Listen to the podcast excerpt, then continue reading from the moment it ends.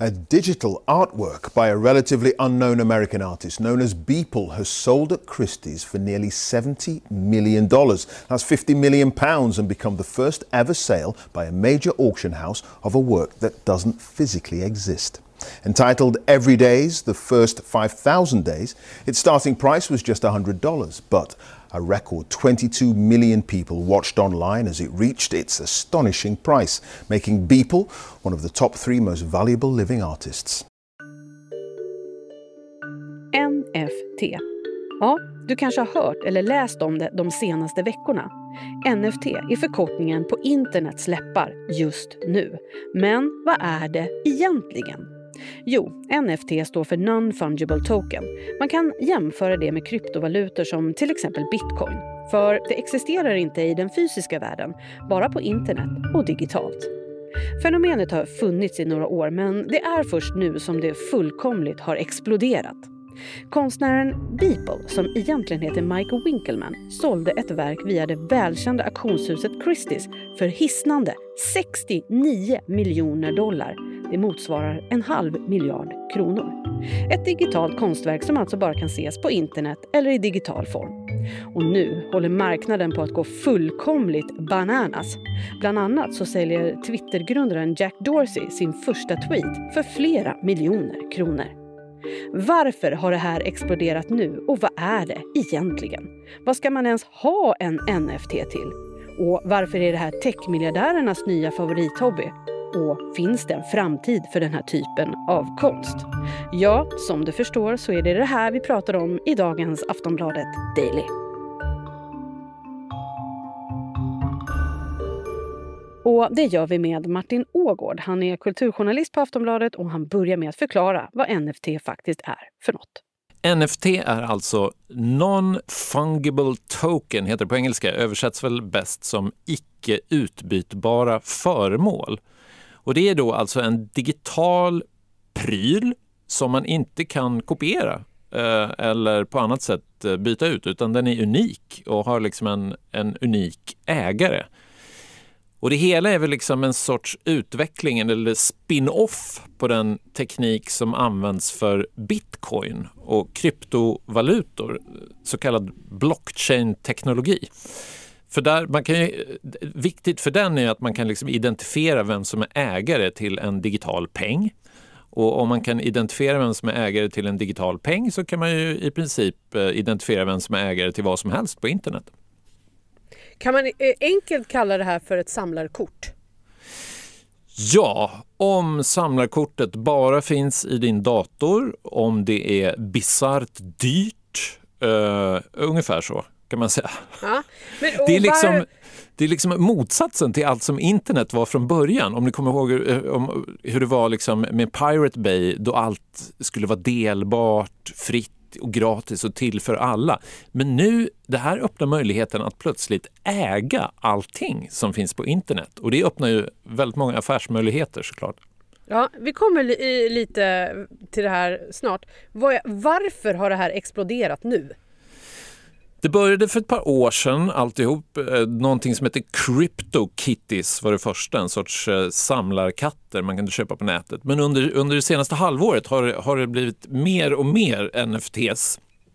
Eh, och det hela kulminerade tror jag runt den 10 mars för då såldes det en bild på auktionshuset Christie's som blev den tredje dyraste nu levande konstnären. Eh, och det är då en kille som heter, kallar sig för Beeple. Han har ett Instagramkonto, ett Twitterkonto där han lägger ut en bild varje dag.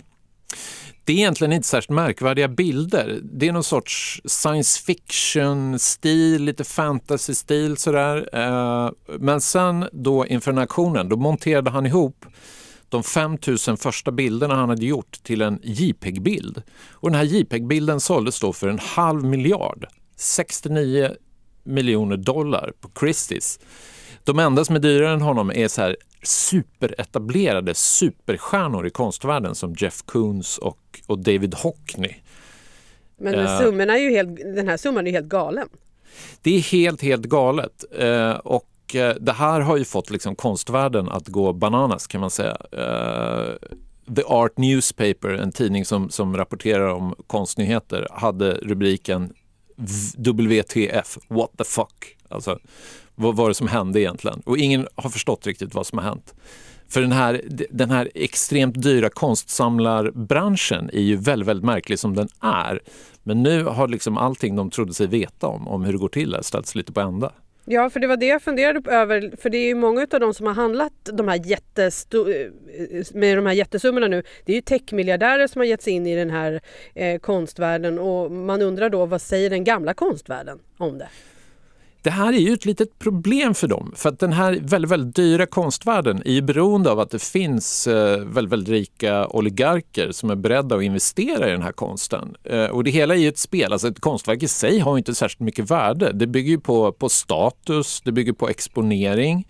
Och om det nu kommer en helt ny generation konstsamlare som inte är intresserad av fysisk konst överhuvudtaget utan beredda att investera sina miljarder i, i digital konst istället, i NFTs, då kommer ju till slut eh, vissa konstsamlare att sitta med Svarte Petter kan man väl säga. Det har ju redan hänt lite grann. Alltså så här, superkonstnärer som Damien Hirst har ju redan förlorat i värde. Ja, och det verkar inte heller bara vara inom den traditionella kulturen som det här finns. Man kan även köpa videos från amerikanska basketligan, NBA. Ja, det har spenderats oerhört mycket pengar på det här. Eh, och det som, även, alltså vi snackar miljoner dollar här. Eh, och det, det, som tilltalar de här samlarna tror jag är lite grann att du kan inte stjäla den här konsten. Och du kan inte heller riktigt slarva bort den. Alltså som ett samlarkort eller något sånt där som folk, van, vanliga konstsamlare är ju oerhört tysta om om sina inköp. De berättar inte var den finns, de berättar inte vad de har köpt och de gömmer sina konsthallar och sådana saker. Men den här, de här samlarna de skryter ju vitt och brett vad de har köpt. För att du kan ju i princip aldrig, aldrig bli av med det här. Även om folk har blivit av med sina bitcoins när de haft sönder sina datorer och sådär. Men jag tror inte det riktigt är möjligt faktiskt. Okej, men för det känns ju ändå som att alla kan ha tillgång till den här typen av konst. Det känns inte så exklusivt men väldigt dyrt. Så är det ju. Eh, men just nu tror jag det, liksom, det här är ett sätt för väldigt, väldigt rika människor, eller techmiljardärer framför allt, och, och, människor som har intressen i den här branschen att, att marknadsföra den. För det är en väldigt, väldigt medveten marknadsföringskampanj som har pågått för just NFTs på sistone. Elon Musk, uh, en av världens rikaste människor, har ju till exempel släppt en technolåt om NFTs.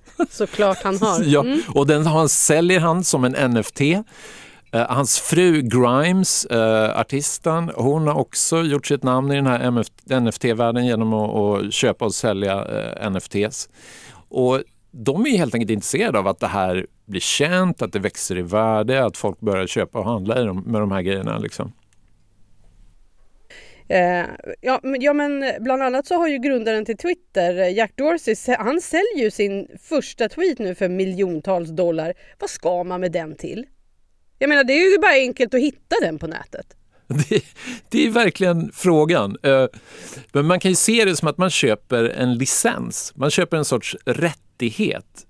Det enda du kan göra är i princip att skryta om att du äger den, som det är just nu. Eh, I framtiden kommer du säkert att kunna sälja den vidare för ännu högre belopp. Sen får man inte glömma att liksom techmänniskorna, de som har blivit multimegamiljardärer på tio års tid, de älskar ju sånt här. De älskar liksom hela den digitala världen. Att, någonting, att det finns ett föremål som du äger som du inte kan ta på, det är ju ett värde i sig för dem. Men folk är väldigt förbryllade just nu. Även den här konstnären Beeple då, som nu har sålts för en halv miljard. Han, han vet ju själv inte riktigt hur hans konst ska visas utan han funderade på om man skulle komma hem till köparen och sätta upp några skärmar eller någonting så att de åtminstone kan titta på den. Alltså jag skulle mest fundera på vad, vad skulle jag göra med en halv miljard eh, dollar? Eller kronor är det va? Ja, men i alla fall pengar, det är ju helt sjuka summor. Och man kanske kan tycka att de här techmiljardärerna skulle använda sina pengar till något vettigare. Man kan tycka det, men jag förstår den craze som uppstår när de kan ana att liksom hela internet plötsligt är till salu, att du kan köpa allt som finns där. Martin, vad tror du, kommer det här hålla i längden? Ja, det är omöjligt att i alla fall Beeples konst skulle behålla värdet över tid. Det tror jag verkligen inte. Uh, och, och, det kommer garanterat, även om inte alltihop är en jättestor bubbla så kommer det uppstå många mindre bubblor i en sån här helt, helt ny marknad som det här är. Eh, och det spekuleras redan lite faktiskt i om den här försäljningen på Christie's av Beeple var en bubbelgrej eller kanske till och med lite arrangerad. För köparen är helt anonym. Det finns ett Twitterkonto Eh, till en person som kallar sig Metakovan. Och den här Metakovan då driver någon sorts eh, kryptovalutafond och har själv investerat en massa pengar i NFTs tidigare och även investerat i att tillverka NFTs. Så det hela känns också lite som en del i liksom den här marknadsföringskampanjen som pågår just nu om att hela världen ska få veta vad NFTs är och börja köpa och sälja dem. Och vad mer utav den här typen av uh, grejer kan vi vänta oss framöver? Jag tror vi kan förvänta oss en massa tokiga entreprenörer som ger sig in i det här för att försöka tjäna snabba pengar. Eh, jag såg precis att Ja Rule, mannen som skapade Fire Festival, om ni minns den här mm. katastrofala festivalen. Ja, det går inte att glömma den. Nej. Han har gett sig in i NFT-branschen nu. Uh, startat en egen auktionssajt och dessutom kommit på det snillrika att han ska sälja fysiska föremål. En fysisk tavla som en digital tavla. Ingen aning om hur det ska gå till, det, det verkar helt dumt alltihopa. Jag tror vi kommer att få se mycket sånt konstigt närmsta tiden. Vad skulle du själv vilja köpa som finns på internet och bara på internet? Oh, vilken bra fråga! Uh, jag skulle vilja köpa en, en, en, nyheten om att coronan är över och att sommaren är här, tror jag. Sist här hörde vi Martin Ågård som är kulturjournalist på Aftonbladet. Jag heter Jenny Ågren och du har lyssnat på Aftonbladet Daily. Vi kommer ut med nya avsnitt varje vardag, så följ oss gärna i din poddspelare så missar du inga avsnitt. Vi hörs snart igen. Hej då!